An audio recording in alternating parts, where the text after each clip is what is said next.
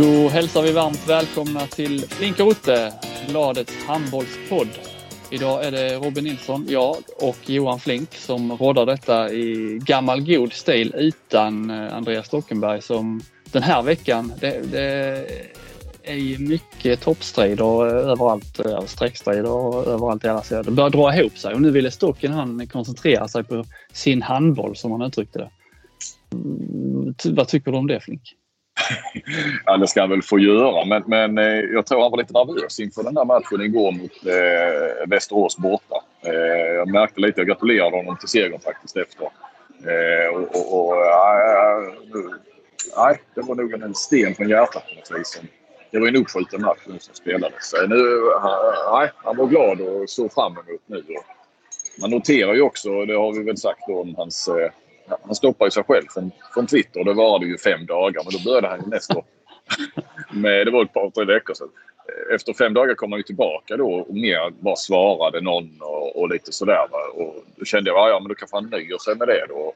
Sådär. Men nu är han ju i full gång och, och, och, och sätter procentchanser på OV och försöker lasta över eh, eh, allt tryck på dem och justera de här procentsiffrorna som det är fördel OV då. Eh, jag vet inte riktigt om procentsiffrorna gäller att det är OV som ska gå upp och ta den här första platsen eller om det bara handlar om matchen på söndag då mellan lagen i, i, som går i Alstermo. Men det mm. verkar vara... Tony Johansson har faktiskt tolkat det som att det handlar om matchen. För, äh, som matchen? ja. Ja, ja, jag har tolkat ja. som att det skulle vara seriesegern där. Det har ju varit uppe då i procentsatsen 82-18 är det högsta jag har sett. Sen är du ja. nere på 70-30 då äh, igen. Ja, uh. precis. Ja. Men eh, i och för sig så är det klart, ja, det kan man ju inte slå fast. Men, men, det är klart att den som vinner matchen bör ju vinna serien. Men visst, de kan ju gå på, på ett blindskär där eh, i någon återstående omgång. Mm. Eh, ja, eh, det är alltid kul när stocken är med, men jag tror att vi ska reda ut det här ändå. Jag eh, hoppas att det inte störs av bakgrundsljudet. Du gillar ju det här. Jag sitter på ett café nämligen. Jag är ute i verkligheten. Ja, det här sålet gillar du. Mm. Eh, autentiskt kanske på något vis. Skulle man kunna lägga in som ett bakgrundsljud annars, men eh, det behöver vi inte nu. Nej, det behöver vi inte idag. Um, det är ju det är ju lite dystra tider generellt i, eh, i Europa. Eh, det här säkerhetsläget som man ser på alla nyhetssändningar. Man sitter ju mycket med telefonen i, i näsan nu och följer live-rapporteringar eh, från, från diverse tidningar om, om kriget i Ukraina. Det är ju, man kan väl säga att hela, hela västvärlden har väl slitit upp med sanktioner och så här och till slut så kom det också, idrotten har väl också någonstans enats om eh, om man kan kalla det idrottsliga sanktioner då med där inte Ryssland och, och Belarus får väl ställa upp. Vi är väl uppe i, i stort sett alla idrotter nu vad jag kan hitta i alla fall. Det var ju eh, IOK var väl först som gick ut med någon slags uppmaning till, till, eh, till idrotten att uh, utesluta ryska och, och belarusiska uh, idrottare och lag från, från sina tävlingar. Sen var det ändå, sen, är det ändå var de ändå fick de ändå vara med i Paralympics först då. Jag mm. tyckte det var rätt förvirrande med IOK först uppmanar sen ska de få vara med och tävla under neutral flagg i Paralympics. Men det ändrades ju också. Så nu får de inte vara med där.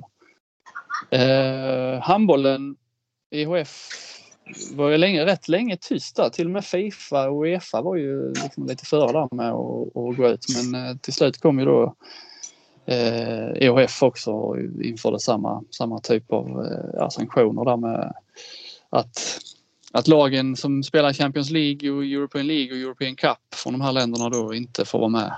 Och eh, det är klart det drabbar ju ett antal lag på både här och damsidan. Man, eh, ja, både, ja, i alla, alla, alla de kupperna egentligen. Det har väl inte kommit något riktigt, jag har inte sett något sånt i alla fall, besked om vad, om de här lagen ska ersättas i ett kommande slutspel eller hur det blir. Jag tror inte det har kommit något besked där än.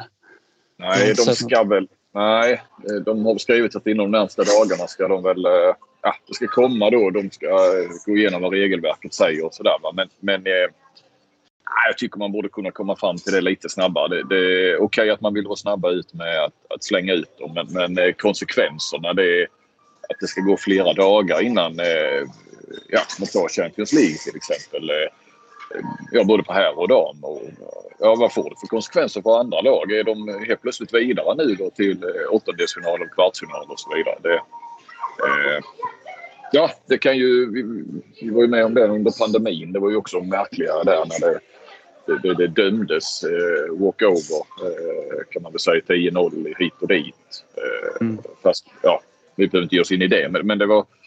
Nej, jag vet inte. Det, jag tycker att det är rätt jag tycker framförallt att det är rätt att nu är man väl inne på tunn is när man ska diskutera sånt här. Men, men att lag och så utestängs, landslag inte minst, kanske även klubblag och så. Men jag såg att Robert Laul twittrade någonting om att eh, är vi inte ute lite farlig väg alltså när, när alltså ryska, ryssar får inte springa Göteborgsvarvet. Eh, mm. Alltså individuella på något vis. Visst, eh, ja, skidåkarna, det är ju ändå ett landslag så att säga. Men jag vet inte. Individuella idrottare, jag menar. Det, det, är ju, det vet vi. Det är jättemånga ryssar som fördömer det här. Eh, alltså invasionen av Ukraina. Mm. Det är ju alla ryssar. Ja, det är väl inte så många ryssar kanske som sluter upp bakom Putin, är ju känslan. Nej, jag håller med. Där. Det, det, man liksom just, det blir en liten eh, avgränsning där med skidorna. Å ena sidan eh, representerar de ju sitt land liksom. Å andra sidan är det individuellt. Man straffar eh, individer. Men jag håller väl med att skid, alltså, klart att skid, skidsporten också måste göra sitt. Liksom. Det är ju inget som var för sig. Det är här inget att handbollen OF stänger av ryska och belarusiska lag stoppar ju inte kriget. Men liksom om alla, alla liksom delar av samhället och idrotten gör sitt. Liksom. Det, det är så det är så man sätter liksom, det blir ju onekligen lite press ändå. Han gillar ju idrott, Putin. Liksom. Eh, så att eh, jag tror ändå att det kan, det kan svida. Ja, så är det ju. Men sen slår det ju fel för sanktioner är ju inget finkalibrigt vapen så att säga. Eh, om man får uttrycka det så i, i krigstider. Men, men nej, och, och, just att Putin har använt idrotten som liksom, propagandasyfte och arrangemang och hela den här biten som alla är medvetna om. Mm. kan man ju hoppas också att det ja, då vill man ju visa liksom, om det har varit viktigt tidigare så, så ska det ju vara viktigt här nu också. Och förhoppningsvis är det viktigt för Putin. Det är väl frågan. Men många har ju, har ju växt lite, eller väckt, väckt lite frågor om Putins mentala hälsa. Man har analyserat hans tal och sagt att han var all over the place och, och liksom osammanhängande när han pratade. Eh, eh, mental hälsa, där kan man ju lite fundera på det här eh, Hassan Mustafa med i, i EHF. Som ju jag har ändå surfat runt på de flesta internationella förbunden nu. Små curling, internationella curlingförbundet, innebandy, basket och alla. Ja, de har surfat runt. Och alla förbund har på ett eller annat sätt adresserat det här eller ja, lagt sina egna liksom, eh, bestraffningar eller sanktioner. EHF är alltså det enda internationella idrottsförbundet som inte har nämnt det här överhuvudtaget. Inte på Twitter, inte på Instagram, inte på sin hemsida, inte en rad. Eh, det är fascinerande märkligt. Liksom. Därför det hade ju liksom inte krävts skriva några rader. Det hade inte krävts så mycket. Men det är precis som att, de, att eh, om det liksom, han måste ju ha folk runt omkring sig. Den här Hassan också som kan liksom, hallå ska vi inte, vi kan väl lägga ut ja, några rader. Ja, exakt, att, de, att man åtminstone diskuterar saken och ska komma med något besked i nästa vecka eller vad fan som helst. Eh, nej, nej, nej. Det är ju bara att stoppa huvudet i sanden. Och det kan han väl göra själv då. Men det är precis som du säger. Det måste väl finnas någon vettig människa runt honom. Jag såg att du twittrade väl där att det finns ju svenska eh, Anna Ljungdahl Rapp, eller Anna Rapp heter hon kanske eh, sitter ju med liksom i den innersta kretsen där. Ja, menar hon måste tycka det är jättepinsamt. Att, eh, ja. Jag tycker det liksom är helt obegripligt bara. Ja. Att man inte, sen, sen visst så, de kanske liksom, de är ju så pass fega då att de liksom de har ju inga tävlingar nu. Eh, sånt sommar, något ungdomsmästerskap där så att det liksom, de behöver inte ta några beslut så eh, nu. Man vill liksom avvakta och se vad som händer men man måste ju kunna adressera det. Just det som är... Jag fattar liksom inte det. Vi får inte glömma att han har gjort mycket, mycket bra för handbollen. Men det är ju sådär, det är en generell feghet med. Ingen av de här större förbunden, de ingen vill ju vara först. Liksom. Handbollen, om jag förstod det rätt där med IHF, de hade ju liksom inga större planer på att utesluta några ryska lag från Champions League först. Utan det var ju när IOK och det var när Fifa då liksom tändes en lampa att ja, vi kanske med borde, borde liksom agera. Men det, det, handbollen, det, det är inte handbollen ensam. Det, pamparna, det präglas ju lite av feghet när man ska in och störa eh, stora nationer. Finns ju ryska, ryska storföretag som är med och pumpar in pengar i EHF också såklart. Ja, om vi, vi lämnar det tråkiga där då och eh, för det man kan säga att IHF, det de har publicerat på sin hemsida, eh, det är ju eh, nominerade till, vad heter det, världens bästa spelare eller vad kallar man det? Vad är den officiella titeln? Årets spelare? Årets spelare i världen kanske. Ja. Och där har vi en svensk nominerad, eller hur? Så är det. Eh, och eh, det är ju Jim Gottfridsson förstås. Och detta gäller då 2021.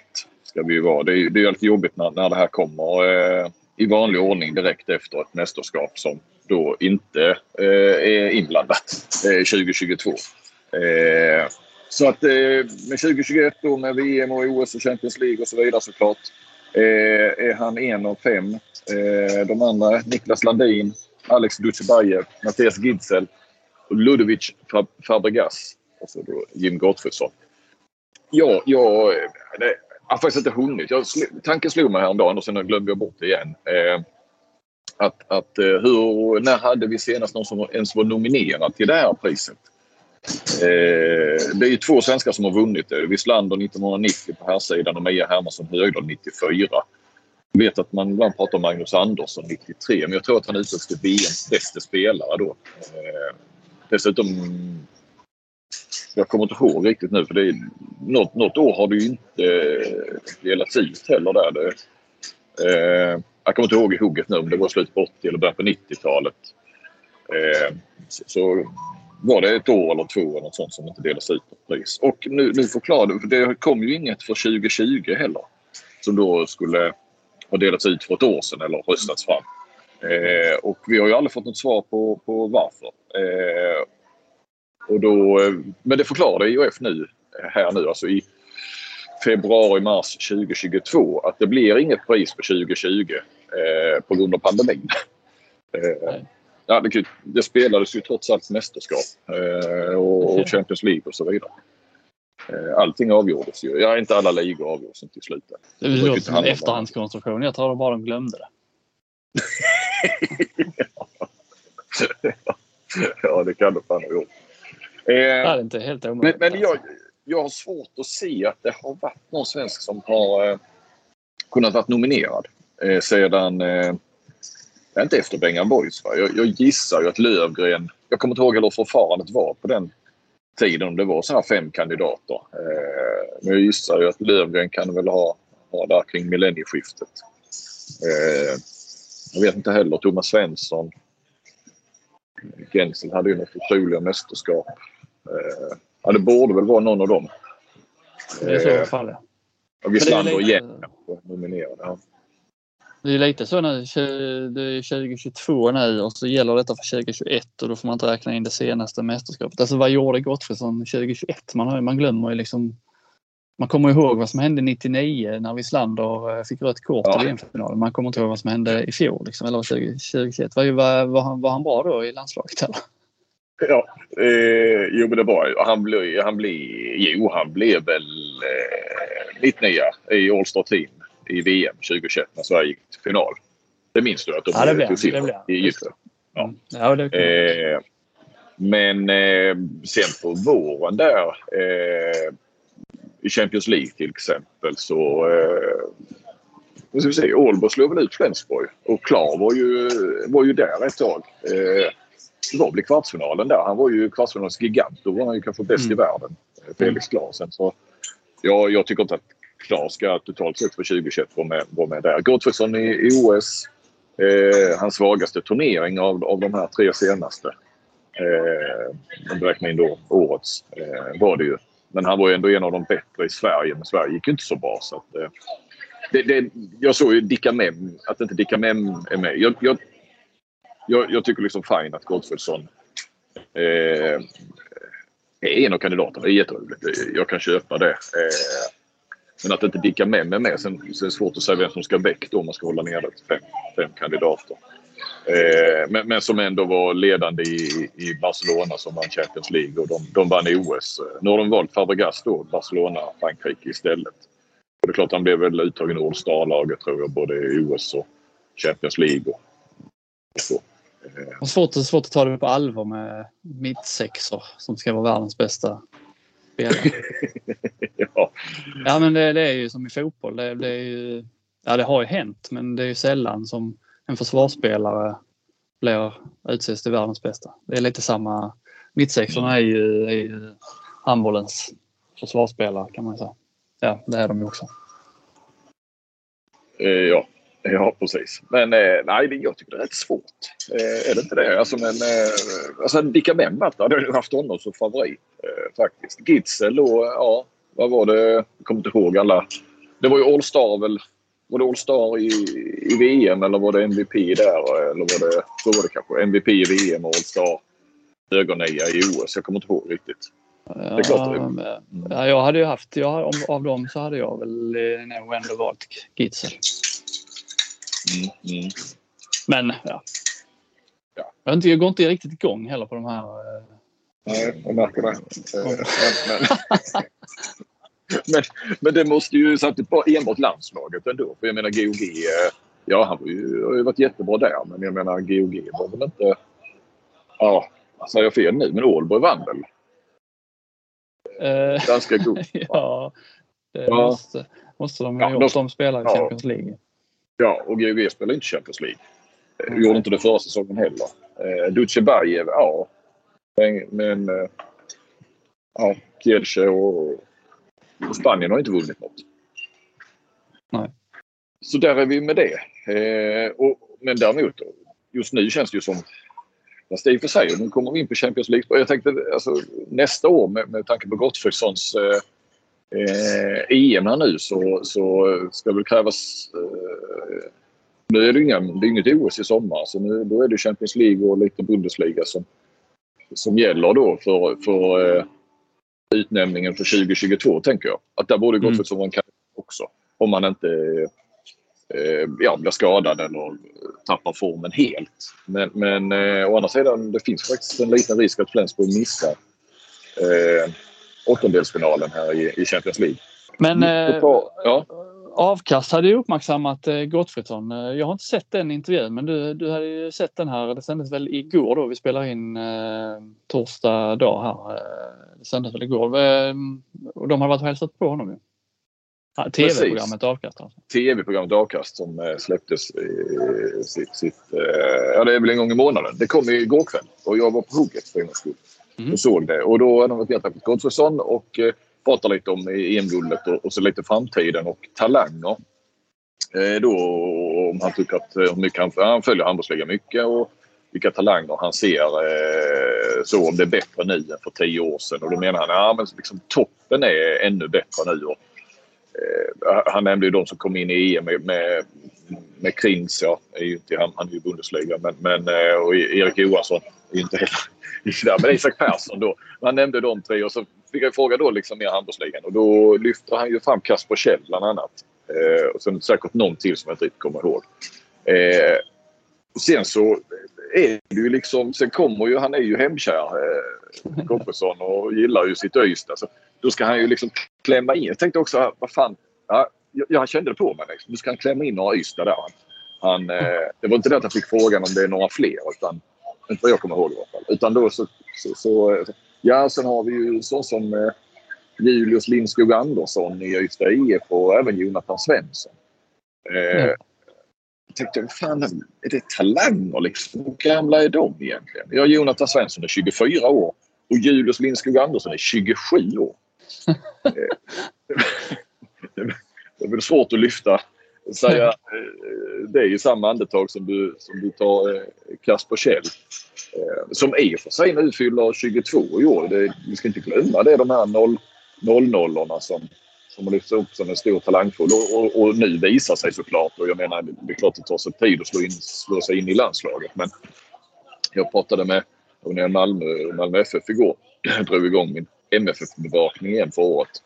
Eh, och träffade Milos Milojevic då, eh, deras nya tränare. Och, eh, så kom det upp en kille han har nu slängt in här i kuppen, eh, Hugo Larsson, för övrigt från Ystad. Eh, så, så jag pratade med Hugo Larsson också och frågade om, om han, eller hans Svarte heter det ju då, precis utanför Ystad, en liten åtta, längs kusten. Så sa det är inte handboll som gäller i Ystad. Ja, men jag hade gjort en handbollsträning när jag var liten. Och så skulle vi ha kullerbyttor och eh, han kunde inte det så då blev han ledsen och sprang till sin mamma och sen blev det aldrig mer handboll. Det är väl eh, en av få bolltalanger då som, som eh, har valt fotbollen istället.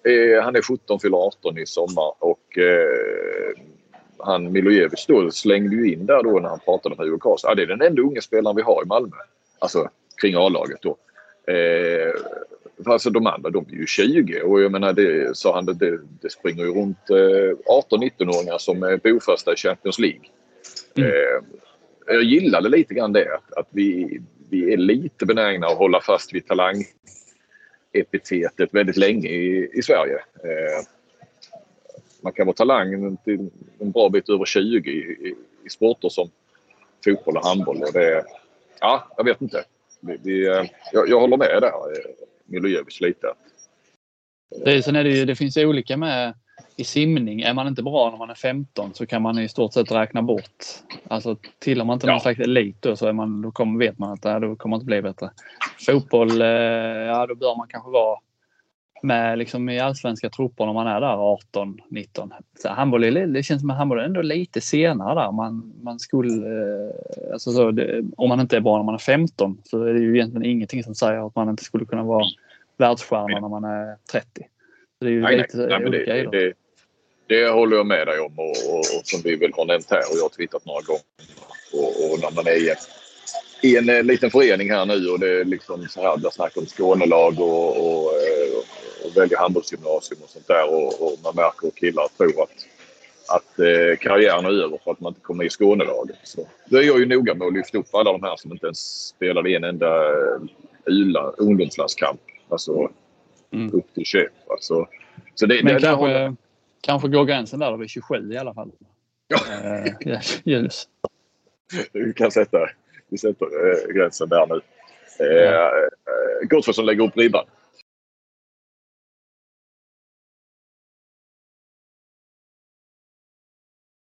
Jag var ju på äventyr igår Flink och fick eh, ge mig ut på vägarna. Jag tycker det är härligt. Som, du är ju ute liksom och flyger på mästerskap så. Men jag gillar ju det lilla då. Eh, och komma till, sätta sig i bilen och köra iväg till Skövde. Det tycker jag är härligt.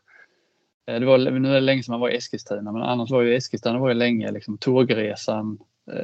En bor kvar där. Man behöver liksom inte stressa med någonting där. Det var drömresan. Men Skövde har liksom växt fram till en jävla härlig bortaresa att göra. Och igår var det ju en eh, match som jag vet att du också såg som ju var eh, rätt alltså en märklig match på många sätt. Målsnålt och eh, man, man vet liksom inte om man ska säga, var det här en isel? Om man tittar på den första halvleken till exempel, eh, Skövde leder med 11-9. Var det, var det en isel halvlek det här eller var det en, liksom en högklassig halvlek? Jag, jag vet inte om det, man kan tycka att det är jäkla vad det är dåligt anfallsspel. Domarna liksom, jag tror aldrig jag sett en match där domarna tar upp armen i stort sett i varje anfall i en hel halvlek. Eh, men tränarna efteråt var inne på att det var en hög, de tog liksom, det är klart de gjorde. De sa att det var en högklassig handbollsmatch. En vuxen handbollsmatch sa eh, Ville efteråt. Eh, jag läste det. Ja, Eh, ja, men det var väl en, en match i tränarnas smak då med få mål, bra försvarsspel och målvaktsspel. Och, ja, ja. Eh, jag förstår ju vad de menar. Eh, absolut. Man tyckte att det har varit lite så med Kristianstad där och nu vände de ju och vann där i andra halvlek och kom ju ändå fick ändå igång någon form av anfallsspel. Eh, men det som har varit, det som har präglat dem egentligen hela säsongen är ju att man tycker inte att de spelar speciellt bra. Om man sitter och tittar eh, som igår. Eh, Skövde, Skövde har två helt olika anfallsspel. IFK är väldigt, eh, alltså Kristianstad är väldigt statiskt så mycket, mycket beroende av Max Olssons eh, skytte och att det ska växlas och, och, och växla bort för försvaret. Och Skövde är lite mer finurliga och har lite olika typer av spelare. Man tycker ju, när man sitter och tittar då så tycker man att Skövde spelar ett mycket bättre anfallsspel. Men de kommer ju eh, inte till så... De gör ju liksom inte, I slutändan gör de ju liksom inte fler mål på Kristianstad ändå. Visst, sen kan man säga att Kristianstad har bättre försvarsspel. Men det har varit liksom, eh, det har präglat Kristianstad, tycker jag, i många matcher där man egentligen tycker att motståndarna spelar ju egentligen bättre här men förlorar, förlorar, eh, förlorar ändå mot Kristianstad. Och så var det ju verkligen på sin spets igår tycker jag att hur kunde Kristianstad vinna den här matchen egentligen? Hur gick det till? Eh, det var knappt som man, som man fattade det eh, efteråt, hur de kunde, hur de kunde vinna. Nej, men jag såg Ville där hade väl sagt till dig också att eh, det var det bästa laget de hade mött. Eh, och då påpekar du att de fick storstryk åt Sävehof som ju onekligen är Sveriges bästa lag. Men då hade han ju, han var ju inte på plats på den. Så han räknade inte det. Nej, man hajar ju till. Det sa han ju på presskonferens. De har ju presskonferens i Skövde också. Det enda stället ja. Eh, där det, det, finns kvar. Eh, ja, på gott och ont. Ja. ja, Kristianstad har slutat. På gott och ont med presskonferenser. Det tar onödig tid när man är stressad. Egentligen vill man ju bara prata med dem man vill prata med. Eh, men får man ändå lite, får ändå, man får en bredare bild när man tvingas, tvingas lyssna, lyssna på fler. Kan det då bli lite kemi mellan tränarna? För de sitter där samtidigt då, va? Eller satsen. Ja, precis. Det har de ja. Har de lite så, så där kan det, ju, det kan ju bli någonting där. Där kan man ju tycka att eh, kanske handbollstränare kunde bjuda till lite. Och det kanske de gör. Jag, ja, det är det enda tillfället då som är det när det är i Skövde. Alltså i fotbollen har det ju blivit någonting där, där är det ju rätt ofta de borde säga så lite som möjligt för att inte skapa någonting. Men eh, handbollen är ju ändå fortfarande... Ja, den är inte så stor och man känner rätt ofta faktiskt ändå ja, men spelare är beredda att träna ändå. Kan ju mm. bjuda på lite grann för, för, för handbollens skull och att de uppskattar att man är på plats kanske och sådär.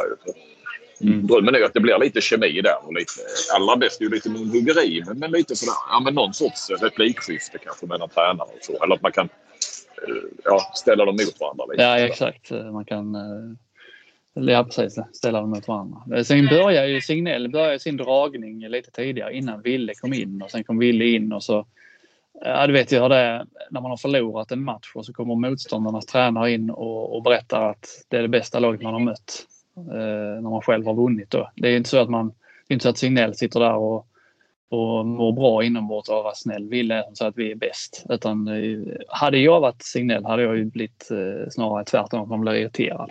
Att det, här kommer han och säger att vi är det bästa laget han har mött när han eh, har precis har vunnit. Det, ja, jag tyckte det var lite irriterande. Ja, ja. ja men är både en komplimang men det kan ju också sticka lite i ögonen. Ja. Sen sa ju Wille det där med att det var bästa laget han mött. Sen, alltså man hajar ju till när man då har sett Sävehof i år och man har, Kristianstad har blivit överkörda där. Sen, ja, han räddade sig lite med det där med att han inte var på plats kan man väl säga. Mm, mm. Signell eh, kan jag säga det också. De, eh, Skövde ledde ju lite där, eh, eller de ledde mycket, men de ledde med ett par mål. Eh, hade ju problem framåt. Så det började Signell köra 7 mot 6 där i andra halvlek.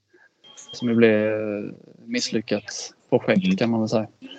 Eh, tog han själv lite upp där liksom. Eh, ville äga frågan som de brukar säga. Att, ja, han tog upp det att ja, lyckas man så är man en briljant taktiker. Lyckas man inte så blir man alltid sågad. Det är så det är.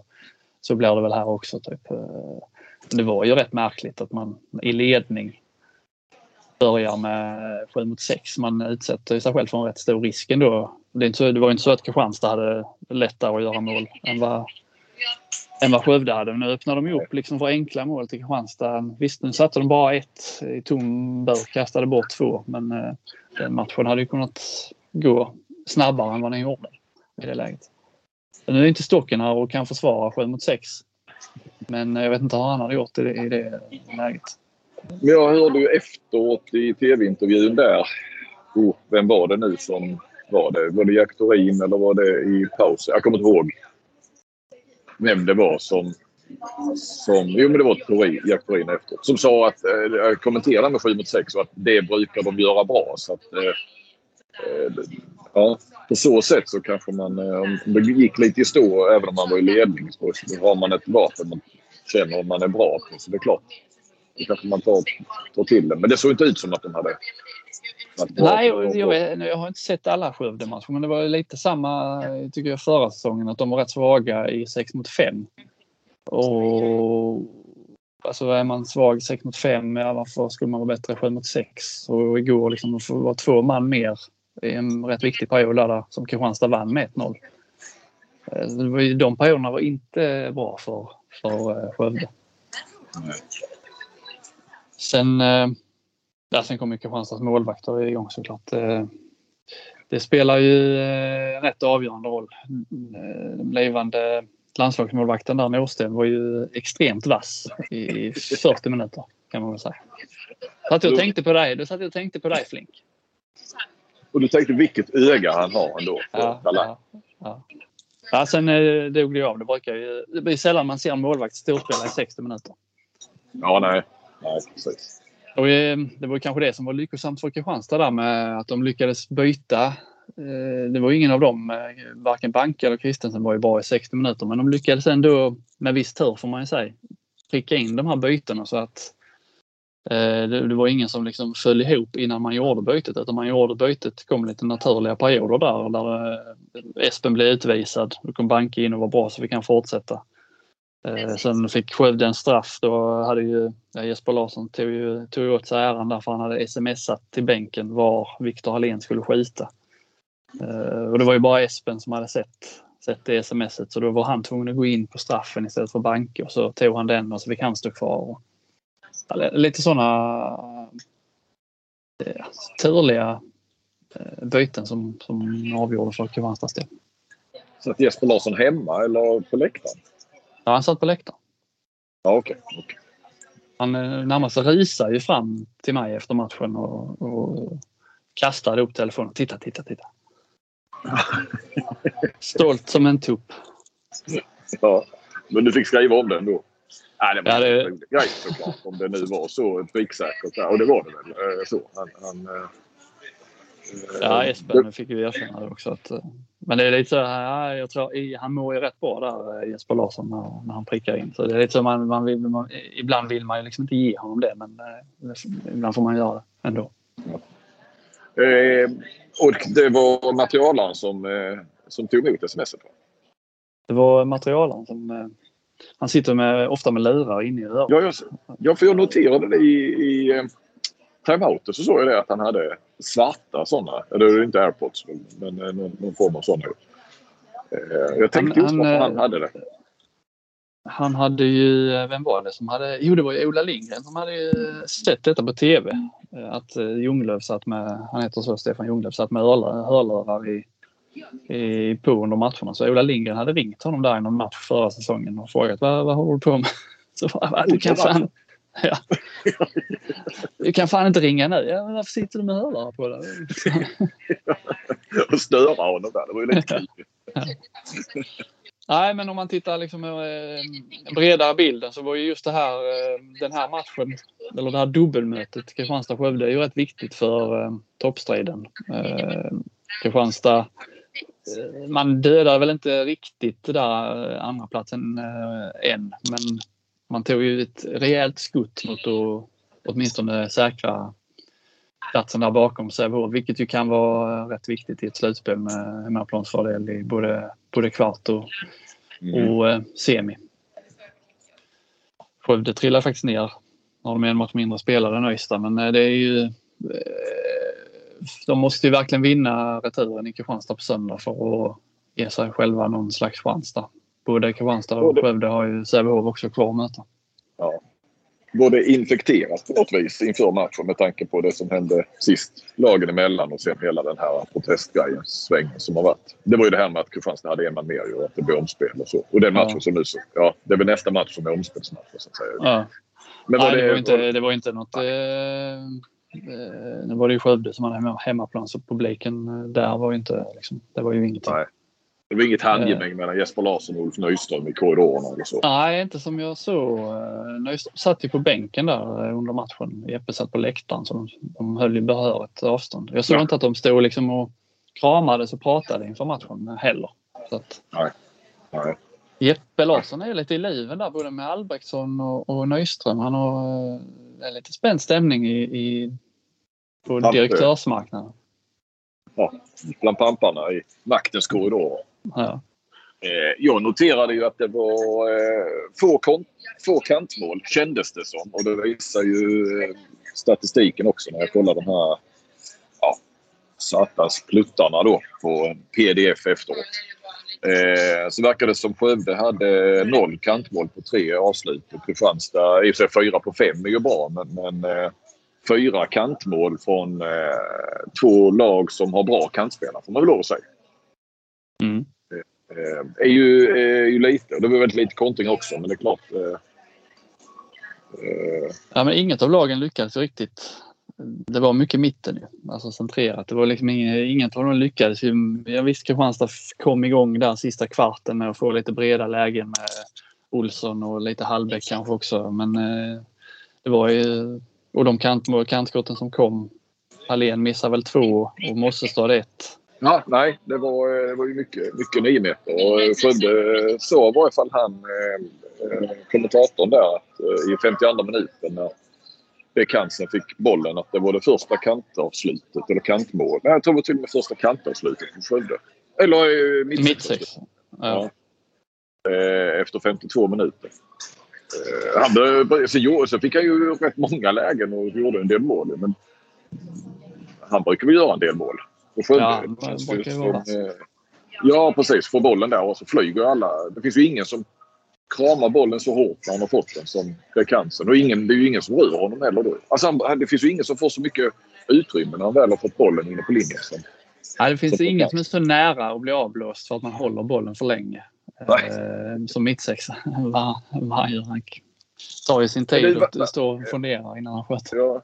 Men du som ändå liksom eh, följer handbollsligan närmare och framförallt Kristianstad men också deras motståndare. Vad tycker de om Hampus Henningsson? Han kan inte vara särskilt populär i... i eh, det är väl inte Brännberger-klass på men, men eh, han har rätt mycket skit för sig, om man säger så.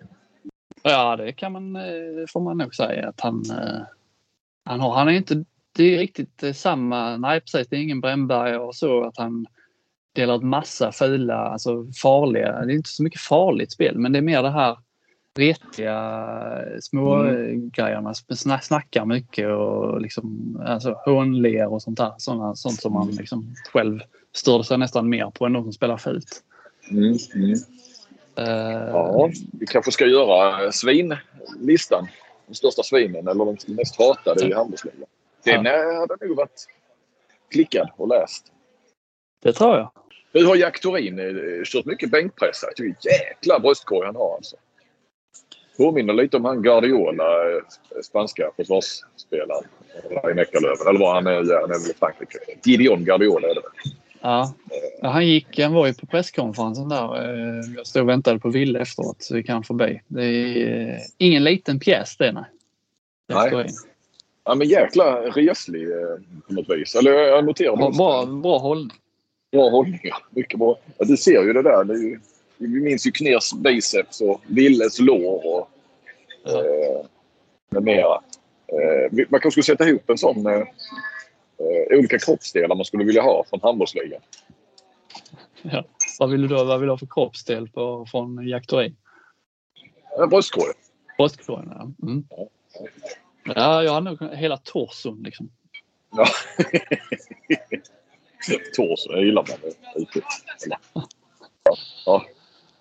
Uh, ja, nej, eh, man kan säga det övrigt från då igår där uh, målfest i Alingsås och publikfest både i Alingsås och Skövde. Det var fri entré men det var ändå gött och uh, ett, någon slags tillbaka till uh, så som man kommer ihåg handbollen för länge, länge sedan. Att det var, var lite folk på läktarna. Det är ju inte fel. Men målfest i Alingsås körde över Guif där och lite farligt eh, läge för Guif. Nu kan ju faktiskt Lugi gå förbi där om de vinner sina eh, hängmatcher. Mm. Eh, om vi går vidare till damerna Flink. SOE har vi ju liksom, vi var ju ett tag på gång och, eller förra podden tror jag till och med det var vi, vi avgjorde SOE där när Skuru föll i någon match. Men sen helt plötsligt så har det har förlorats på alla håll och kanter. Nu, vi dömde ju ut Skuru men nu leder de ändå. Ja, för nu förlorade Sävehof mot där. Ja, märkligt såklart. Och inte bra för Kristianstad att släppa in Heid i, i bottenstriden. Uh, men det kan vi ju räkna bort. Men Skuru hade du lite, du har ju din, du har ju din silly season, eller nej, inte silly season, vad kallar man det? Silly-svepet på Sportbladet där som ju uh, har blivit bakom kulisserna. Ja, ja mm. precis. Ja, men det är ju kul. Bra mottagande. Men eh, Eh, som sagt, det, det, har blivit väldigt mycket sill här nu och tanken är väl också att vara lite så här bakom kulisserna snabbt som inte bara har med övergångar att göra. Men nu har det blivit mycket övergångar. Eh, och en övergång som jag inte har haft med eller ens eh, hört talas om var på gång är ju... Eh, det kom ju idag. Vilma Mattias Holmberg då, Skuru, som, som lämnar för tyska Thüringer. Eh, och jag bara noterade då dels, eh, för det kom från eh, Skuru, ett, ett, ett pressmeddelande och jag kan eh, gilla då att, att, eh, för nu har det ju blivit liksom någon kutym eller tradition att först så skriver då eh, Lugi eller Sävehof, eh, eh ja eller kvittar nästan vilken klubb då, men, men eh, att eh, ja, den här spelaren lämnar och så får man inte reda på vilken klubb. Och sen så ska då den klubben hon eller han ska gå till lägga ut det då så att eh, ja, man får sin egen nyhet och så vidare. Men jag gillar det därför att eh, Skuru, om de sen då var överens med, med, med Tyring om att göra detta, det, det gissar jag så. Att eh, de la ut att hon ska till Tyringen. Och så gillar jag bara formuleringen då i någon sorts ingress då. Att därmed lämnar en av SOS vassaste spelare landets bästa träningsmiljö för att fortsätta karriären utomlands mot den absoluta topp. Som så många gånger förr. Eh, alltså det är ju en stolthet såklart. Och eh, det kanske är rätt. Det kanske är landets bästa träningsmiljö. Men det var Ja, jag gillade uttrycket där i en ingress kring en övergång. De är stolta över sin träningsmiljö. Det ska de ju vara också och de gör ju saker och ting bra. Sen är det ju, de är ju bra, bra i matchen också. Skuru, mm. jag lov att säga. Regerande mästare. Eh, sa du någonting där om, det kommer ju idag här med, med Fernis till Lugi, sa du det eller? Nej, det sa jag inte. Eh, Lugi blir ju lite vassare nästa säsong, får man ju säga. Mm. Mm. Ja, vi har ju Guldén som eh, blivit klart sen vi poddade sist. Eh, det har det väl sagts det mesta kring, kring den. Eh, jag vill ju bara flagga för, eh, det nämnde jag i intervjun med henne också, att eh, hon har ju alldeles, med all respekt för Lugi och Fernis och nyförvärv och spelarna som är där och deras satsning och så vidare. Så har faktiskt Guldén aldrig spelat i ett så dåligt lag. Nej. Eh, det, det, när hon kom fram i Sävehof så, så vann de ju. Det var väl, de missade guld Då var de i final. Var det Skövde som vann 2008 eller någonting så. Annars så vann de och var överlägsna i Sverige. Och sen har hon ju Viborg blev hon ju danskmästare. Ja, så resten är ju bättre än mm. det svenska laget. Så att, eh, det var ju därför man kliade sig lite i huvudet när man eh, hörde om det här med att Kristianstad HK var med liksom i kampen. Inte, vad, vad är detta? Mm. Det är ju, Luga är ju liksom ett steg upp ändå men det är ju ändå rätt långt ifrån där hon har spelat. Ja, vi ska alltså jag tänker omgivningen. Jag menar detta är ett, ett, ett spelgeni som i mina ögon både är van vid och nog, det krävs nog en, en, en hyfsad... De ska ju fatta de här passningarna och, och, och, och eh, intuitionen eller vad ska man säga, eh, infallen på något vis. Eh, hon har inte Nora Mörk bredvid sig nu. Eh, kommer hon inte ha. Eh, och andra topp, top, toppspelare i världen. Så, så, jag menar kanske till skillnad från Jermaine Robert som, som tar bollen och, och springer igenom själv och gör mål. Eh, och dessutom är Sävehof ett bättre lag så hon har ju bättre omgivning än vad Gulldén kommer ha. Men, eh, för det kan man ju fråga med tanke på att Roberts inte var med mot Heid. Då, då, då har ju inte Sävehof så bra 9 spel. Eller rätt sagt det är frågan vad de ska ta in på 9 meter. Jag, tippar att Jenny Karlsson kommer. Eh, hon lämnar ju Holstebro här nu Eh, mitt i slutet på säsongen om man ska uttrycka det, för, för Brest eh, som har skadeproblem. Därför får man tydligen i Frankrike om man har skadeproblem under vissa premisser ta in spelare även efter den 15 februari eller vad nu deadlinen är i Frankrike. Den exakta. Men, mm. eh, men det är bara resten av säsongen så jag skulle tippa att Jenny Karlsson kommer in och då, då, då, det är ju en riktigt, riktigt bra värvning. Det är ju en, eh, liksom, hon är väl fyra på nio meter. Alltså fjärde, fjärde niometerspelare i landslaget nu. Mm. Skulle man nästan kunna uttrycka det mm. eh, Men jag är lite så här, jag, jag, jag, tror inte att Guldén gör... Nu känns det som Lugi är lite på gång redan denna säsongen och, och absolut, de, de kan nog bli trea, fyra så. Men jag tror inte att hon gör dem till, inte till svenska mästare. Det kan man inte kräva heller. Det känns som det är en liten... Att hon trappar ju ner trots allt. Vi har ju liksom hela bakgrunden med varför hon flyttar hem är ju för hennes syster som, som har fått cancer. Det är ju tunga, tunga skäl ju. Eh, mm. Men också det här hon ska inte bara spela handboll och eh, det är klart hon, för den lönen, vet inte vad den är, men så vill de ju att hon ska göra mer såklart än, än att bara spela ja, 20 matcher plus slutspel om året.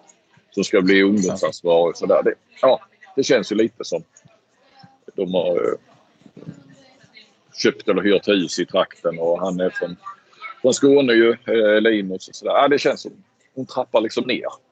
Mm. Det gör väl de flesta. Så... Om och hem eh, ofta i, såklart i den åldern. Ja, ja, ja, ja det, ska, det ska bli intressant att se. Men vi ska inte tro att, att Gullén gör, gör Lugi till finallag. Och, eh, ja, det, det, är en annan omgivning i Lugi än vad de har haft den, ja, under hela sin karriär. Ja.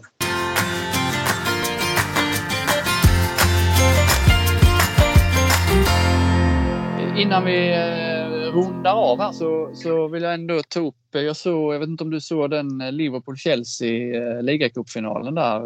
Fotboll pratar vi nu alltså. Ja, eh, sonen satt och såg den och jag, jag, ja, jag, jag, nej, jag, jag såg ju egentligen bara straffar.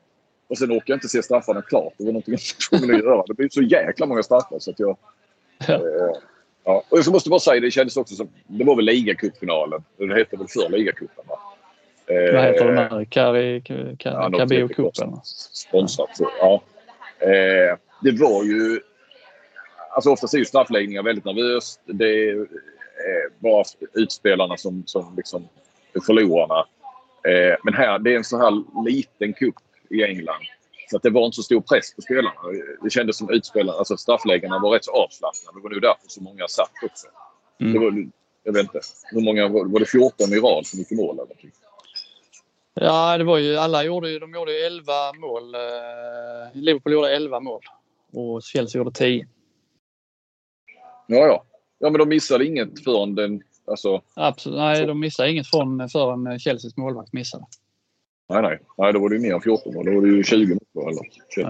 Ja, Ja, nej, men jag tänkte på, eh, de gjorde ett lite kontroversiellt byte där precis innan straffarna, Chelsea. Då bytte de ju ut eh, Mendy då, eh, målvakten som hade stått, stått hela matchen och så satte de in Kepa eh, som då eh, uppenbarligen ska vara en bättre straffmålvakt. Och, och det slutar ju med fiasko. Alltså inte bara fiasko för att han inte räddade en enda straff utan för att det också var han som gick in och missade då så att Chelsea förlorade, vilket ju nästan tycker lite synd om honom. Alltså man såg ju framför sig man satt och väntade här redan från straff 8-9 så tänkte man ja det kommer sluta att Kepa får lägga och så, han, så missar han det såklart. eh, och så blev det ju. Och det är ju lite udda så men Thomas Tuchel fick ju, Chelseas tränare där, han fick ju stå lite till svars där efteråt i uh, intervju i, i Viaplay. Hur tänkte du här egentligen? Byta ut Mondi som hade väl uh, han hade väl stått där på straff, några avgörande straffläggning i Afrikanska mästerskapen också tror jag. Och, och vunnit den matchen. Eh, men då han förklarar ändå där Tuchel att ja, men vi, har gjort, vi har analyserat och, och statistik bakom det här och Kepa eh, han är, han är en bättre straffmålvakt. Eh, även om det då inte visar sig nu så statistiskt ska han vara det och enligt våra analyser så är han det. Och jag tänkte lite på det med handbollen. Det är ju väldigt sällan man ser en eh, målvakt, alltså man ser ju jättemånga byten eh, såklart inför straffar. Eh, men man ser ju sällan lag där, där, eh, där, man, där man, som har målvakter som är den här straffspecialisten. Alltså vissa är bättre än andra men där, eh, att man byter där det handlar oftast om något annat. Att den som står i målet inte har tagit eh, ett par straffar på raken och då, då byter man för att få in något nytt det är liksom ja, att man inte har liksom momentum, den målvakten som är inne. Men det är sällan man ser det här att eh, den målvakten som, som står, som börjar liksom matchen. Eh, det är sällan man ser att han byts ut in, eh, inför den första straffen. Han får ju alltid, han får ju mm. alltid ett, ett, en eller två straffar på sig. Tar han inte dem så, så byter man. Men just det här att man har en straffspecialist som man alltid byter in för att man vet att statistiskt så kommer han att rädda fler straffar. Därför ska, han, därför ska den målvakten in och stå på samtliga straffar. Ja, sällan man ser. Jag såg, såg när eh, Kristianstad mötte Ystad IF borta. Så vill jag väl minnas med 99% säkerhet att eh, Kraft stod i mål där i Ystad. Men inför Kristianstads första straff så bytte de in Wenfeldt i mål. Mm. Så om han möjligen, liksom, om de ser honom som att någon slags, egentligen är han eh, en bra straffmålvakt. Det är han nog också för han ligger ju sexa i straffligan kan man säga bland målvakterna. Men sen ligger ju andra sidan Kraft trea. Så jag vet inte riktigt men det kanske ser annorlunda ut då. ja. Men, men, men eh, det borde ju vara lättare i handboll att ha en straffspecialist. Alltså du får inte glömma i fotboll, okej okay, lättare nu. Det är väl, eh, det är väl fem, fem eh, byten numera. Det var det väl i den ligacupfinalen gissar jag också. Så att det, mm. Men annars, det kostar ju alltså ett byte. Du har ju, ja, du har ju tre eller fem. Det är inte ofta du har att du ens har ett byte kvar eller att du känner att du sparar det till en straffläggning. Ett byte. Nej, precis. Man har ju det är ju lättare att ha det i, i handboll. Men det är väl så jäkla mycket eller ja, är det bara överenskommet så är det inte. Annars är det väl mycket det mentala att man inte då vill byta ut sin första bollvakt och... Eh, ja, men jag hade, velat se, jag hade velat se ett lag liksom eh, göra lite som den här Moneyball, den filmen. Eh, du vet att man verkligen nördar ner sig i, i statistiken. Mm. Och att man ger, man ser här att den här killen är bättre på straffar. Han ska, han ska in och stå på alla straffar.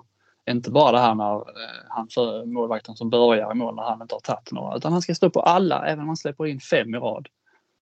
Så ska han stå på den sjätte för att eh, statistiken säger att han har störst chans att ta den sjätte straffen.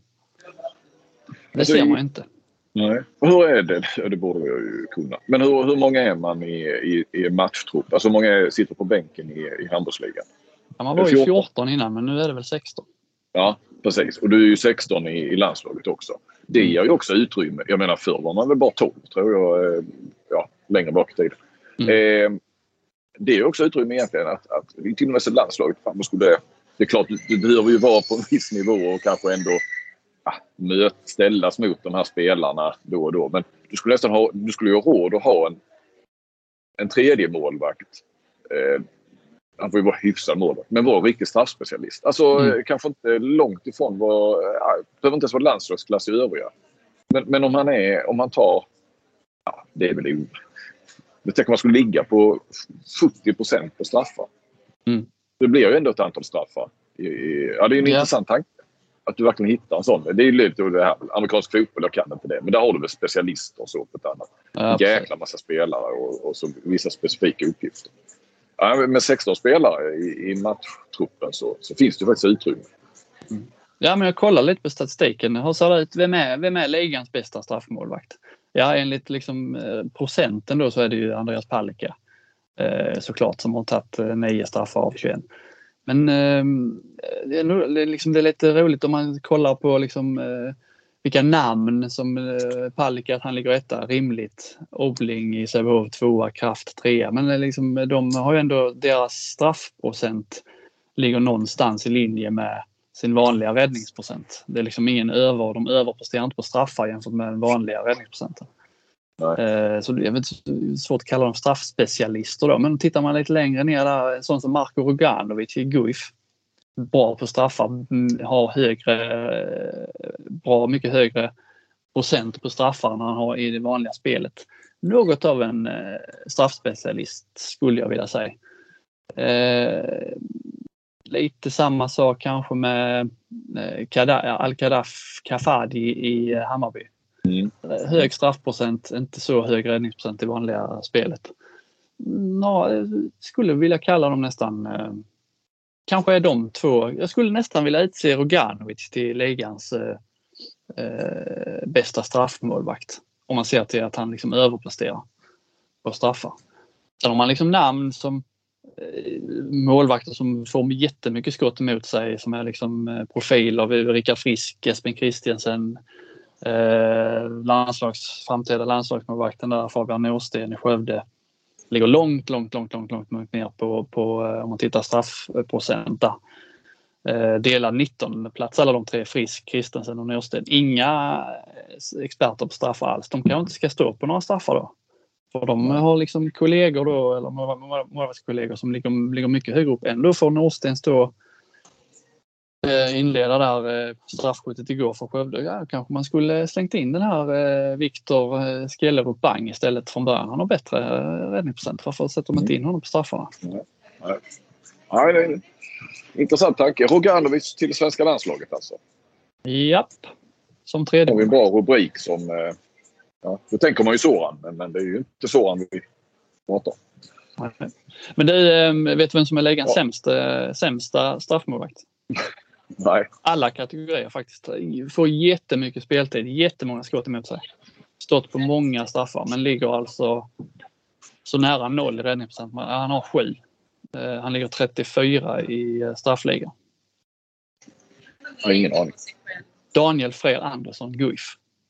Förstå liksom, han ligger sist där. Förstå, han har varit inne på 29 straffar, räddat två. Och så har man då Marko Oganovic ja. som har varit inne på 32 straffar och ligger alltså sexa i den ligan. Där måste ju... Och pappa är tränare. Pappa, och pappa är tränare. Där måste han äh, agera han om det ska bli någon slutspelsplats. Ja. Oganovic ska ju stå på resten av straffarna. Oavsett om han släpper in de tre, fyra första. Han ska stå på den äh, fjärde och femte. Rutte kolon, så går Guif till eh, slutspel. Ja. Ska det bli slutpunkten? För jag känner att jag är sen här nu till eh, nytt möte. Ja. Så att, eh, ja. ja, det är bra Flink. Ja. Vi, eh, då tackar vi för idag och eh, så ska ju eh, Amo möta, ta emot Ove Helsingborg i Allsvenskan. Den matchen håller vi ett litet extra på öga på helgen och så välkomnar vi Stockenberg tillbaka här igen om två veckor. Ja, men det gör vi. Vi ser vilket humör han är på. ja. Han kan väl sluta twittra igen. Ja, och komma tillbaka två gånger om. Ja. Ja, tack för idag för att ni har lyssnat. Tack. Hej. Hej.